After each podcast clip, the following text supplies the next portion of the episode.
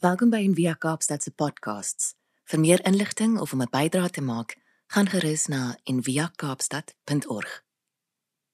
Ons hier skriflesing lees. Ons gaan voort met ons uh, reis deur 1 Samuel. En hier is 'n baie bekende skrifgedeelte. So ek wil jou nooi om ook 'n bietjie as 'n as 'n geloofsgewoonte ook net jouself in te verbeel in die storie en soos ek dit lees en dink bietjie hoe dit gelyk daar uh hoe Samuel gelyk, hoe Dawid gelyk, weet hoe die plek waar hulle was. Al jy probeer dit verbeel en so 'n bietjie bietjie meer nader bring aan jouself. Maar ek lees vir ons. Daarna gaan Samuel na Rama en Saul het opgegaan na sy huis na Gibea van Saul. En Samuel het tot die dag van sy dood nie meer gesien nie. Hoe Samuel het Saul tot die dag van sy dood nie meer gesien nie want Samuel het ook getreur oor Saul en die Here het berou gehad dat hy Saul koning gemaak het oor Israel. Die Here het vir Samuel gesê: "Hoe lank gaan jy nog oor Saul treur nadat ek hom as koning oor Israel verwerp het? Maak 'n horing vol olie en gaan na Bethlehem toe. Ek stuur jou na Isaai toe, want onder sy seuns sien ek vir my 'n koning." Samuel vra toe: Hoe kan ek gaan? As Saul dit hoor, sal hy my doodmaak. En die Here sê vir hom: "Neem 'n vers saam en sê: Ek het gekom om vir die Here offer te bring. Nooi dan vir Isaai na die offer toe. Ek sal jou meedeel wat jy moet doen. Sal vir my die een wat ek jou sal beveel." Samuel het dit gedoen wat die Here gesê het by sy aankoms in Bethlehem met die leiers van die stad om ontstel tegemoet gekom en gesê: "Kom hier in vrede." En hy het gesê, "Ja, ek het gekom om vir die Here offer te bring. Reinig julle en kom saam met my na die offer toe." Hy self het vir Isaai en sy seun gereinig en hulle na die offer toe genooi. Toe hulle inkom, het Samuel vir Eliab gesien en gedink, "Die gesalfde van die Here staan, die gesalfde van die Here staan hier voor die Here." Maar hy sê vir Samuel, "Moenie na sy voorkoms of sy buitengewone lengte kyk nie, want ek het hom nie gekies nie." Die Here kyk nie na dieselfde dinge as die mens nie. Die mens kyk na die uiterlike, maar die Here na die innerlike. Toe roep Isaai vir Abinadab en laat hom voor Samuel verbygaan en hy dink die Here het ook hierdie een nie gekies nie. Daarna het Isaai vir Samuel laat verbygaan, maar Samuel het gedink die Here het ook hierdie een nie gekies nie. Nadat Isaai sewe van sy seuns voor Samuel laat verbygaan het, sê Samuel vir Isaai: "Die Here het nie een van hulle gekies nie." Daarop het Samuel vir Isaai gevra: "Is dit al jou seuns die?" En hy het geantwoord: "Die jongste is nog hoër, maar hy pas nou skape op." Toe sê Samuel vir Isaai: "Laat haal hom, want ons eet nie voordat hy hier is nie." Isaai het hom laat haal. Hy het 'n rooi gelaaskleur gehad, mooi oë en 'n goeie voorkoms. Toe sê die Here: "Staan op, salf hom, want dis hy." Samuel het die horing met olie gevat en hom voor sy broers gesalf. Die gees van die Here het van daardie dag af kragtig in Dawid gewerk. Daarna het Samuel klaargemaak en na Rama toe teruggegaan. Hierdie tema wat ons vandag aanraak is so groot eintlik. Ek het later aan toe ek myself keer ek sê so dis kan nie vir 2 ure lank preek nie, maar daar's so baie om te sê eintlik oor dit. Hierdie idee dat jy dat jy ontdek wie jy regtig is. Jy weet ontdek en word wie jy veronderstel is om te wees. En dis beide. Ek dink is grootendeels 'n word weet 'n 'n deel waar jy waar jy word wie jy is of word wie die Here wil hê jy moet wees 'n kind van God word. So daai dis so groot tema en dan die eerlikheid oor eerlikheid en egtheid en hoe ons kom voor die Here en hoe hy ons sien en hierdie storie van Dawid wat so dis so bekend ek meen dit is so bekende sonnaarskool storie en dit het so baie in dat ons loop baie keer die gevaar met sulke bekende stories om dit te ignoreer dis ek o, ons ken dit ons ek weet ons nou klink die storie. So ek wil net nooi om kan 'n bietjie met nuwe oë daarna te kyk. En dis ook die tema van vandag is God wat kyk en God kyk anders as wat ons kyk. En hy sien ons op 'n ander manier. Hy sien Dawid op 'n ander manier.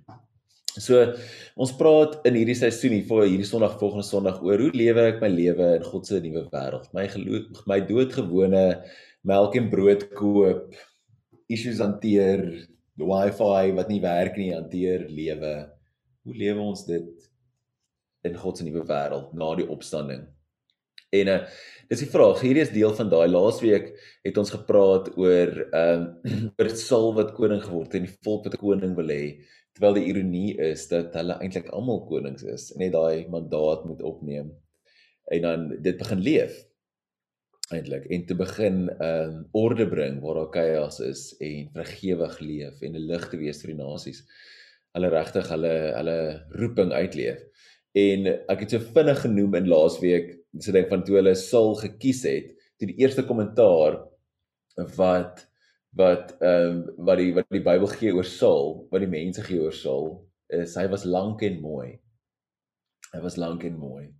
En het ek nog so lig gepraat daaroor dat hoe weet hoe baie keer ons sulke foute maak van ons kies mense weet omdat hulle lank en mooi is in plaas daarvan om na hulle harte te kyk, na hulle karakter ook te kyk. En ehm um, wat so snaaks is as jy nou ek weet nie of jy dit opgetel het nie toe ek na die skriflesing gelees het, maar dit is so snaaks.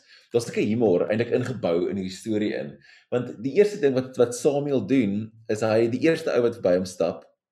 Hy sê: "Hier staan die gesalfde van die Here." Weet, en dan die Here sê: "Oké, okay, oké, okay, kalmeer. Moenie kyk hoe hy lyk like en hoe lank hy is nie. Weet dieselfde ding. Dit is dieselfde ding. Ek sê jy regtig maak jy dieselfde fout." En ek dink arme Samuel nie, hy so hy so hy ek dink okay, maar sal dit nou nie gewerk nie en dalk moet ek net as ek iemand kry wat sterk genoeg is en groot genoeg is wat teen Saul kan opstaan, dan weet dan kan ons dalk hierdie ding red.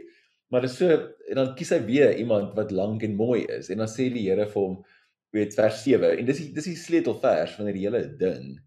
Hierdie hele stuk, hierdie storie is soos moenie na sy voorkoms of sy buitengewone lengte, moenie kyk hoe mooi en hoe lank hy is nie want ek het hom nie gekies nie. Die Here kyk nie na dieselfde dinge as die mense nie.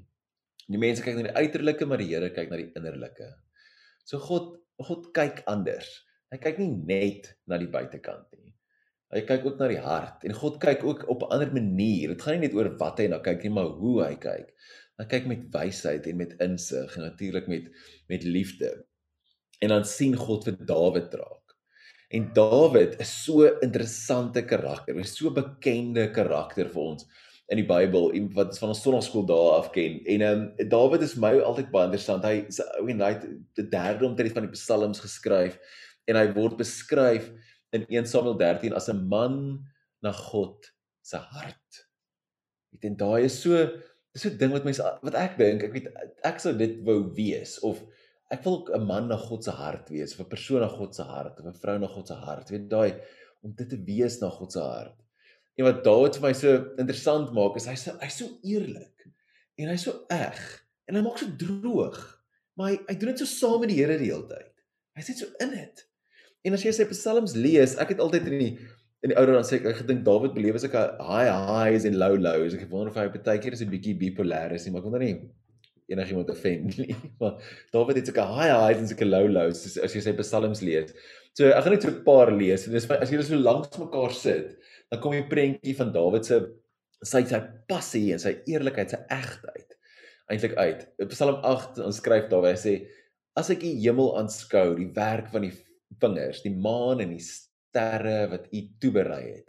Wat is die mens wat u aan hom dink en die mense kind wat u hom besoek, né? Nee? En dan die bekende, weet jy, die groot Psalm 8 is soos hierdie lofpsalm, is so groot. En dan Psalm 23, die bekendste psalm van almal, is dan hierdie hierdie hierdie hierdie koestering, is hierdie ding van wat vir die Here sê jy sorg vir my, jy's by my, daai die Here is my herder, niks sal my ontbreek nie. Hy laat my neerlê in groen weivelde. Na waters waar rus is lei my heen. En daai beautiful woord, hy verkoop my siel. Hy lei my in die spore van geregtigheid. Beautiful. En dan Psalm 145 is ook so hierdie lofpsalm, soos hierdie groot ene wat nou weer so groot en massive is. Dit sê as jy die hele ding lees, is net een groot prysang. En dit sê die Here is vir almal goed en sy barmhartighede is oor al sy werke. Dawid skryf al al u werke loof loof u o Here en u gunsgenote prys u. Hulle maak melding van die heerlikheid van die koninkryk en spreek van die mag En dit gaan so aan en aan en dan en dit eh, daar aan die einde van die bestaan sê u koninkryk is 'n koninkryk van alle eeue en die heerskappy duur deur al die geslagte. Reg so massief en groot. En dan kry jy psalms soos Psalm 22. Want skryf Dawid en nou, nou, is dieselfde persoon en onthou net hier is dieselfde mens nê.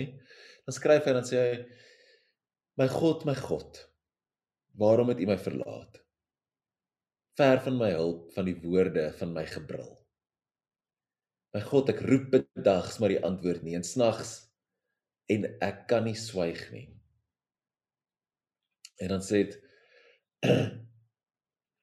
sê en dan as jy verder lees in ehm um, in in in wat hierdie Psalm nou net die teks reis vergeet maar dan skryf hy ek dink is Psalm 50 of ehm um, ek het nou net vergeet. Maar anyway, dit lees vers 7 tot vers 15.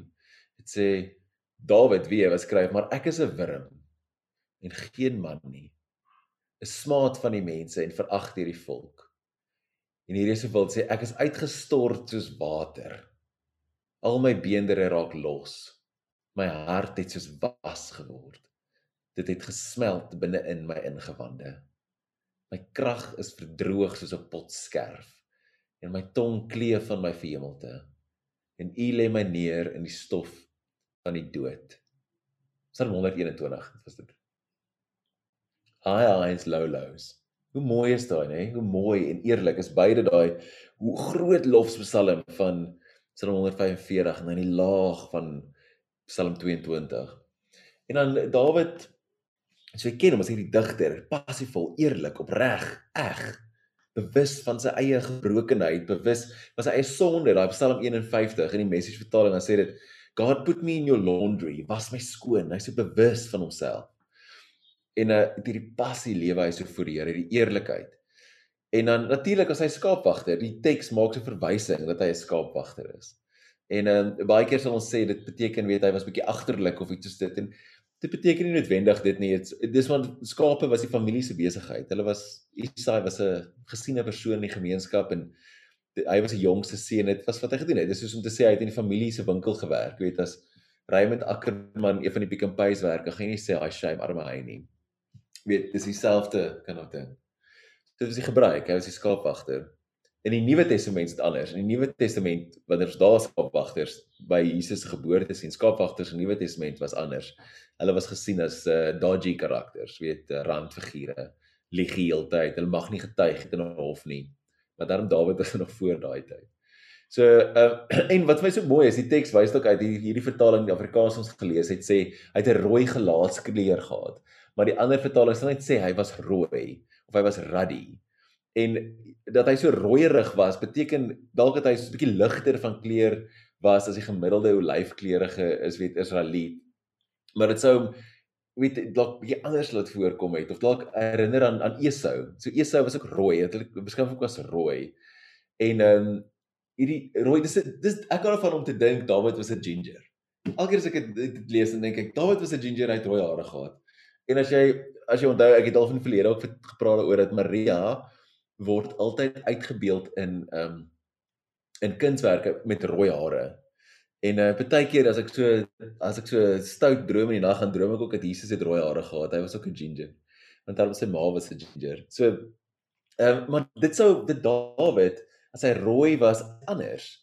Ek weet in Egipte in dieselfde tyd was mense met rooi hare bietjie uitgeskuif, weet hulle was nie aanvaar nie. En um, ek dink die gingers het hulle self so 'n bietjie weer teruggebring in die samelewing in die laaste 10 jaar en hulle is nou cool, maar ek meen net in ons eie ervaring. Mense met rooi hare is altyd so kan 'n bietjie uitgestoot gewees op skool en goed, toe ek groot geword het in geval.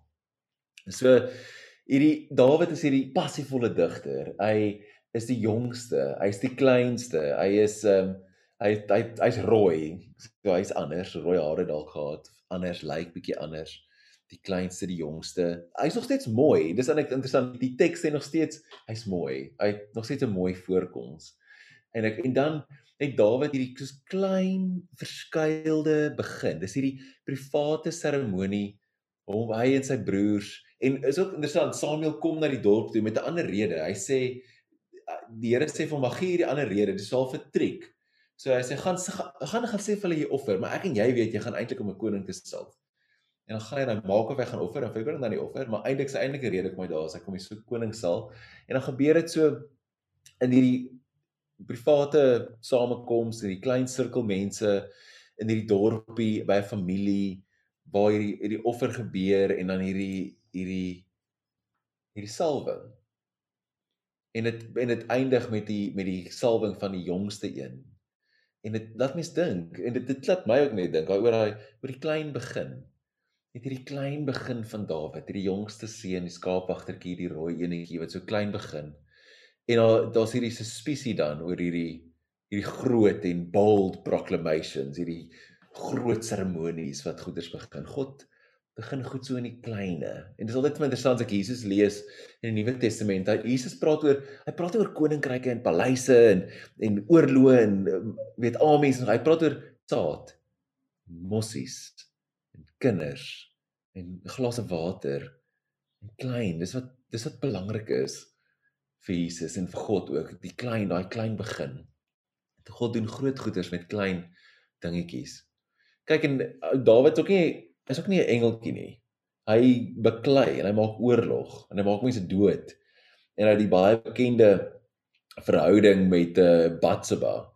En uh Batseba, as jy soms uh, Israel toe kom eendag, dan gaan ons op die plek waar Dawid se paleis was of waar die ruïnes is en so teen 'n heuwel gebou. So sy paleis sit hier heel bo en al die huise is so onder toe. En dan die stories mos nou Batseba op die dak gebad en dan ehm um, toe kon hy haar nou sien. Maar jy kan as jy daar staan dan weet jy presies wat gebeur het, nê. Nee. Want jy kan staan nie as jy die volgende huis is hier onder, nê. Nee, dis soos daar om heel bo in Vredehoek te bly of iets. Dis daai presies dit. En dan die een dominee, so 'n vriend van ons, hy het altyd gesê, weet was nie 'n issue dat hy al gesien het nie of raak gesien het nie, want dit weet mense het op die dak gebad. Dit was die gebruik. Die probleem was dat op sy tone gestaan het dat hy so 'n bietjie beter wou sien. Ek sê dis die probleem. En daai is natuurlik 'n verskriklike storie weet hy hy roep dan vir Batsheba en hy maak haar sy vrou as die koning sê jy moet dit doen en jy moet kom en hy wil nou saam met jou slaap dan is dit so as die koning dis nie die tye was anders nê maar Dawid en dan Dawid vermoor dan haar man en dis 'n verskriklike storie en dan in Psalm 51 daai bekende Psalm wat hy sy sonde bely wat ons nou eendag ook oor gepraat het dan sê hy weet vers 4 was my heeltemal van my ongeregtigheid en reinig my van my sonde want ek ken my oortredinge. Daai so die bewustheid wat hy het. Ek ken my oortredinge en my sonde is altyd deur voor my. En dan vers 16 ou vertaling is so hektiek. Dit sê red my van my bloed skuld. O God van my heil. Daai as hy open my lippe dat my mond die lof kan verkondig. Dawid maak homself skuldig aan moord, oorlog 'n paar keer. Wild en op die einde sê die Here ook vir hom hy kan nie die tempel bou nie want sy hande is vol bloed. Nou wat wat interessant is in hierdie hele storie en hele ding van Dawid, dit gaan nie oor waarna gekyk word nie, maar oor weet hoe gekyk word, hoe gekyk word. Al het Saul Saul al hierdie foute gemaak, Dawid was ook 'n engel, engeltjie nie. En Dawid was ook mooi, so gesê het, soos Eliab mooi van voorkoms. Maar Samuel kyk dan en hy soek dan 'n nuwe leier en hy kyk met sy oë, maar God kyk na sy hart ook en God kies vir Dawid. En ons sien hierdie hierdie hierdie wat wat afspeel in hierdie verhaal. Ons sien hoe God hom soos aan die kant van die die klein volk van Juda en 'n rooi oor emosionele herderseun sondaar egbreker aan daai aan die kant skaar van daai een as toekomstige heerser uiteindelik. So God kies dan weer die kleine, die jonges, die wat so bietjie anders is. God het hy het berou oor Saul se koninkryk. Dit is altyd interessant dat God berou kan hê. Mens dink baie keer God weet ons hoe alles gaan uitwerk. En hy doen en nog steeds het hy berou ook. Dalk selfs God hoop dat goed anders gaan uitwerk, dat mens beter besluite gaan maak. Toe God het berou oor Saul se koninkryk en verbind hom aan soos aan 'n nuwe soort leier. Dis is 'n nuwe begin. Hy sê dis 'n dis is 'n egte, autentieke, gehoorsame en dis 'n selfbewuste leier. En uit hierdie bloedlyn uiteindelik bevraagteken dan alle grootsheid want Jesus kom uit hierdie bloedlyn uit, uit hierdie lyn uit. En dit bevraagteken dan alle magte en kragte en empires. Die leierskap kom te voorskyn as 'n vorm van soos 'n dan van nederige diens. Soos laasweek ook mekaar gesê het. En dis hierdie nederigheid wat soos toegevou is in bewustheid, awareness. Bewus van sy eie beperkings, van sy eie foute, van sy eie emosies, van sy eie swaar kry, bewus van sy tekortkominge. Dis is 'n nuwe tipe leierskap, is soos die eerste ding, bewustheid. Dis iets anders wat by Dawid is wat nie by Saul is nie. Hoe Saul tot die einde van sy lewe nie bewus is van sy eie foute en sy eie nonsens nie. En dis hoe ons moet leef in God se nuwe wêreld. Bewus. Bewus van wie ons is. Nie van wie ons wil wees nie of wie ons droom ons wil wees nie of wie ons dink ons reg erg is nie, van wie jy is nou. Soos met met al jou strooi, met al jou nonsens, met al jou staf en met al jou emosies en al daai goed net so na die Here toe te kan kom. Het in die vraag gestaan, weet as dit die uitnodiging is om meer bewus te raak, dan is die vraag dan hoe word ons meer bewus van onsself? Het hoe word ons meer bewus van wie ons is? Weet en dag bewustheid gebeur op 'n paar maniere. Dit gebeur deur swaar kry. As jy swaar kry, word jy meer bewus van wie jy regtig is. Dan kom jou ware self uit, dit wie jy nou op hierdie oomblik is. Dan kan jy sien aan wat jy moet werk. Waar in Here jy dit uit en liefde. Liefde. Liefde maak ons meer bewus van onsself. Wanneer God ons wanneer ons onsself begin sien hoe God ons sien, dan kom jy agter wanneer jy God se liefde op jou voel daai. En dan is al weet practices, practices soos stilte, soos enneagram, soos sirkels, soos al daai vriendskappe, gemeenskap, daai goed. Dis alles help ons om kan as volgelinge van Jesus bewus te raak van wie ons is op hierdie oomblik en of wie ons kan word. En wanneer ons bewus raak van hierdie van ons ons beperkings, ons tekortkominge en ons gawes en alles wat mooi is, die goed en die sleg, ek sê altyd net goed en sleg is in ons almal se harte. Ons is nie net goed hier binne en die buitekant is sleg nie, dit is goed en sleg binne diep binne-in. En dan is dit die keuse om te gaan na die goed toe. En dan wanneer ons hierdie besef, dan word jy nederig. Dan kom jy agter hoeveel jy God nodig het. Reg? Wanneer jy net heeltyd besef hoe awesome jy is, word jy nie nederig nie. En dan wanneer ons besef ons tekortkominge, ons beperkings en ook ons gawes en ons talente, dan word ons nederig en dan word ons eg, authentic. En dan kan jy net in daai plek so na die Here toe kom met hierdie egtheid soos Dawid kom. Soos hy daai Psalm skryf, hy sê die een loof hy die Here en die volgende een sê hy hoekom het jy my verlaat? My beendere raak los, my hart smelt soos was binne in my. En in die volgende een dan sê hy die hemel juig van die grootheid. Maar dis daai egtheid wat so mooi is. Realness, daai en egtheid kan jy soms so Jy voel dit sommer met so met 'n stok aan as iemand eg is as jy hom ontmoet. 100% hulle self. Nie hulle beste nie. Daar's 'n groot verskil tussen wat ons praat baie van jou ware self en jou ware self is hierdie hierdie idee van dit wat God wil hê jy moet word. Nê? Nee? Hoe hy sy intent met jou. Maar hierdie gaan oor om te besef wie jy nou is. Al die nonsens en al daai goed saam en dan reël te word binne in dit. En hoe mens dit word dan soos oor oor tyd. Reg? En ek dink een van die skerieste goed in die Nuwe Testament is Jesus wat vir die mense sê ek ken jou nie, gaan weg van my af. Ek ken jou nie. As hulle maar ons het dan ons het dan wonderwerke gedoen in jou naam en ons ons het dit gedoen en dit gedoen dan sê hulle dan sê hier ek ken jou nie. En asof daai dalk op 'n vreemde manier beteken hierdie mas jy het heeltyd net vir my 'n masker gewys. Jy het heeltyd net opgedaag as iemand wat jy gedink het ek wil sien. Ek weet nie wie jy is nie. Maar dis nie hoe Dawid is nie. Dawid kom daag op met al sy nonsens en met al sy mooi als gelyk in mekaar gemeng. En wat so mooi is in hierdie storie, die hele 1 Samuel is selfs deur alles, nê, selfs Dawid se wat Dawid droog maak, selfs deur wat God wat spyt is dat hy Saul koning gemaak het, selfs deur Saul se nonsens is God nog steeds getrou aan sy liefde vir die mens en hou aan saam stap. So in plaas daarvan dat ons Yahweh God se spyt sien as hierdie kenmerk van hierdie wispelturige, inkonsekwente God, dui dit op soos hierdie beweging van God. Dat hy dat hy saam met mense gaan. Dat hy nie hierdie ver af staties of op 'n afstand staan nie, maar hy reageer op wat gebeur. Hy is hy is betrokke by die geskiedenis. Hy reageer by mense optrede. En ons sien deur soos as ons al die pad terug gaan, Eli, Samuel, Saul en Dawid en al die ander Salomo en almal, dan sê en al die probleme van die mensdom, as jy daai hele storie so in 'n arensvlugse van bo af kyk, dan sien jy hoe God nog eintlik die heeltyd koning was. Maar hoe hy kies om deur en saam met mense te werk. Dis is die wonder van die storie van die Bybel. Dat God beweeg na ons toe die hele tyd. En hy kies ten spyte van ons nonsens en ons foute goed om steeds saam met ons te werk en saam met ons iets te doen. Hy is die een wat die hele tyd agter die gordyne werk. En hy nooi ons en hy nooi juis soos die kleine, die egte buitestander om saam te wees. So baie keer dan dink mens sies ek kan nie, ek is ek is te jonk of ek is te oud of ek is te rooi of ek is te wit of ek is te dit of ek is te dit en ek is 'n buitestander Ek is anders. Maar God roep steeds. God sien jou hart.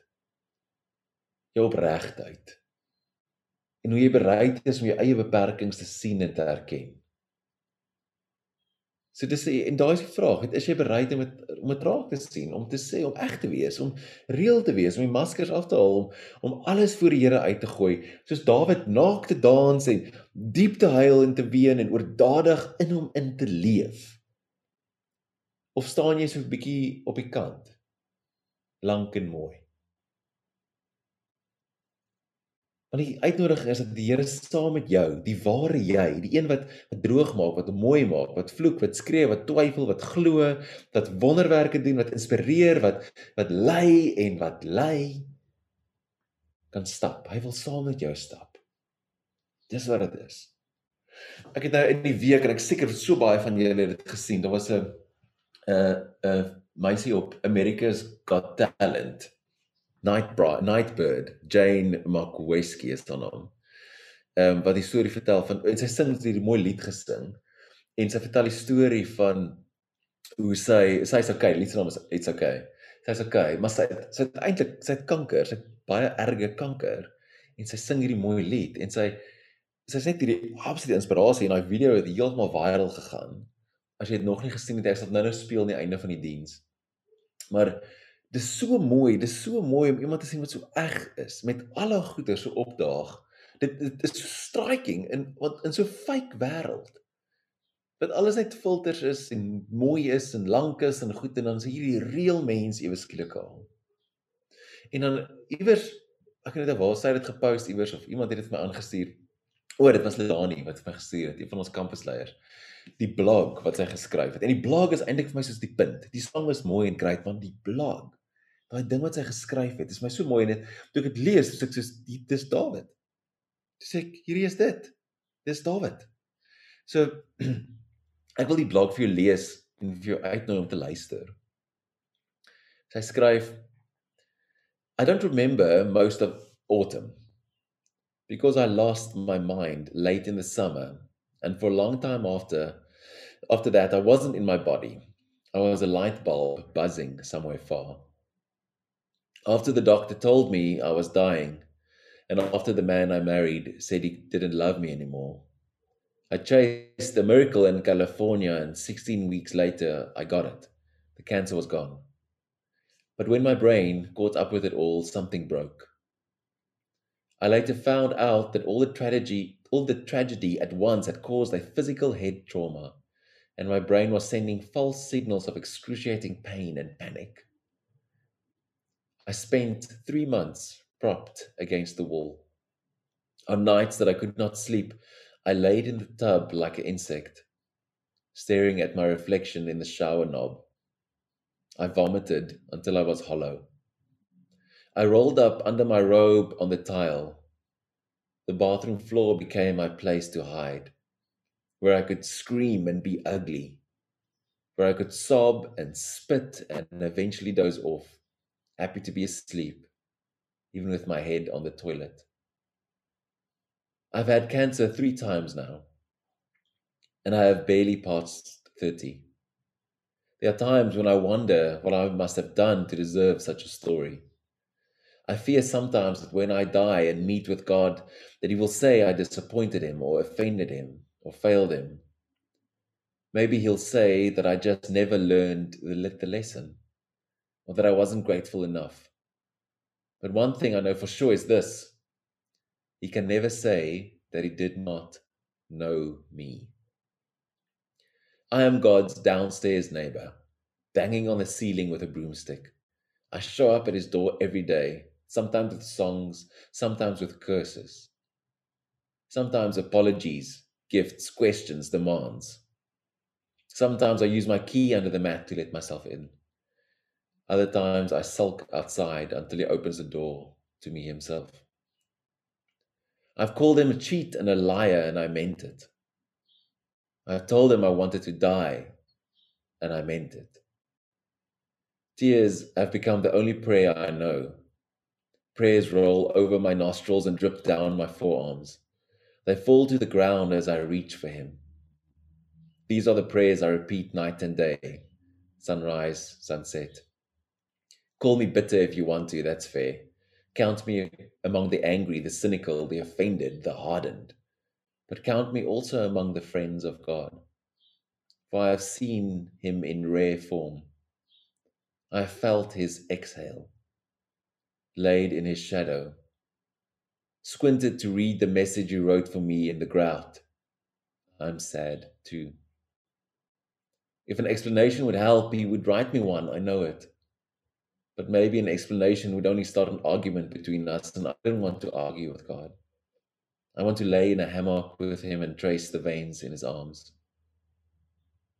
I remember myself that I'm, I remind myself that I'm praying to the God who let the Israelites stay lost for decades. They begged to arrive in the promised land, but instead he let them wander, answering prayers they didn't pray. For 40 years, their shoes didn't wear out. Fire lit their path each night. Every morning, He sent them mercy bread from heaven. I look hard for the answers to the prayers that I didn't pray. I look for the mercy bread that He promised to bake fresh for me each morning. The Israelites called it manna, which means, What is it? That's the same question I'm asking again and again. There's mercy here somewhere. But what is it? What is it? What is it? I see mercy in the dusty sunlight that outlines the trees, in my mother's crooked hands, in the blanket my friend left for me, in the harmony of the wind chimes. It's not the mercy that I asked for, but it's mercy nonetheless. And I learn a new prayer. Thank you. It's a prayer I don't mean yet, but will repeat until I do. Call me cursed, call me lost, call me scorned, but that's not all. Call me chosen, blessed, sought after. Call me the one who God whispers his secrets to.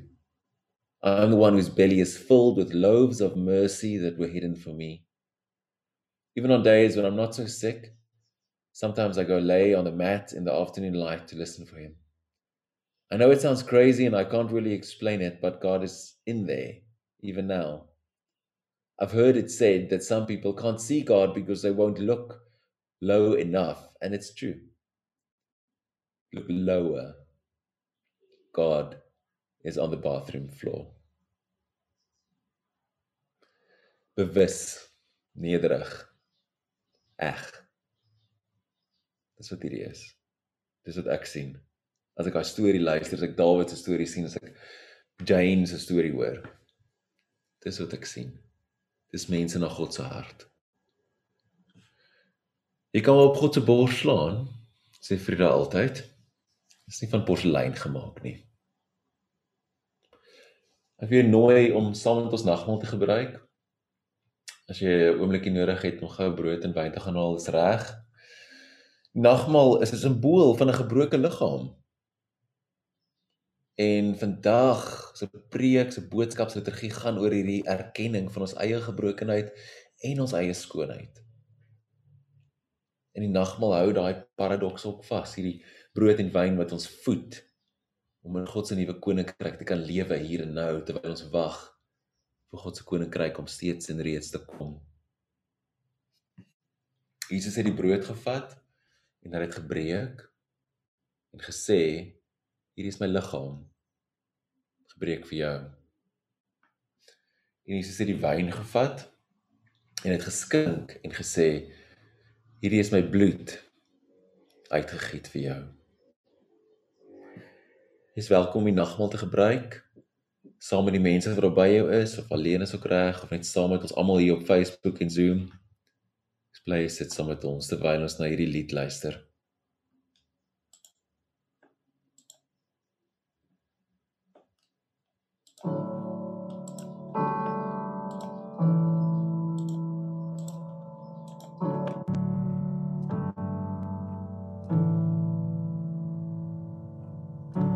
Gracious Father, we give you praise and thanks for this holy communion, the body and blood of your beloved Son. The body is broken, God's love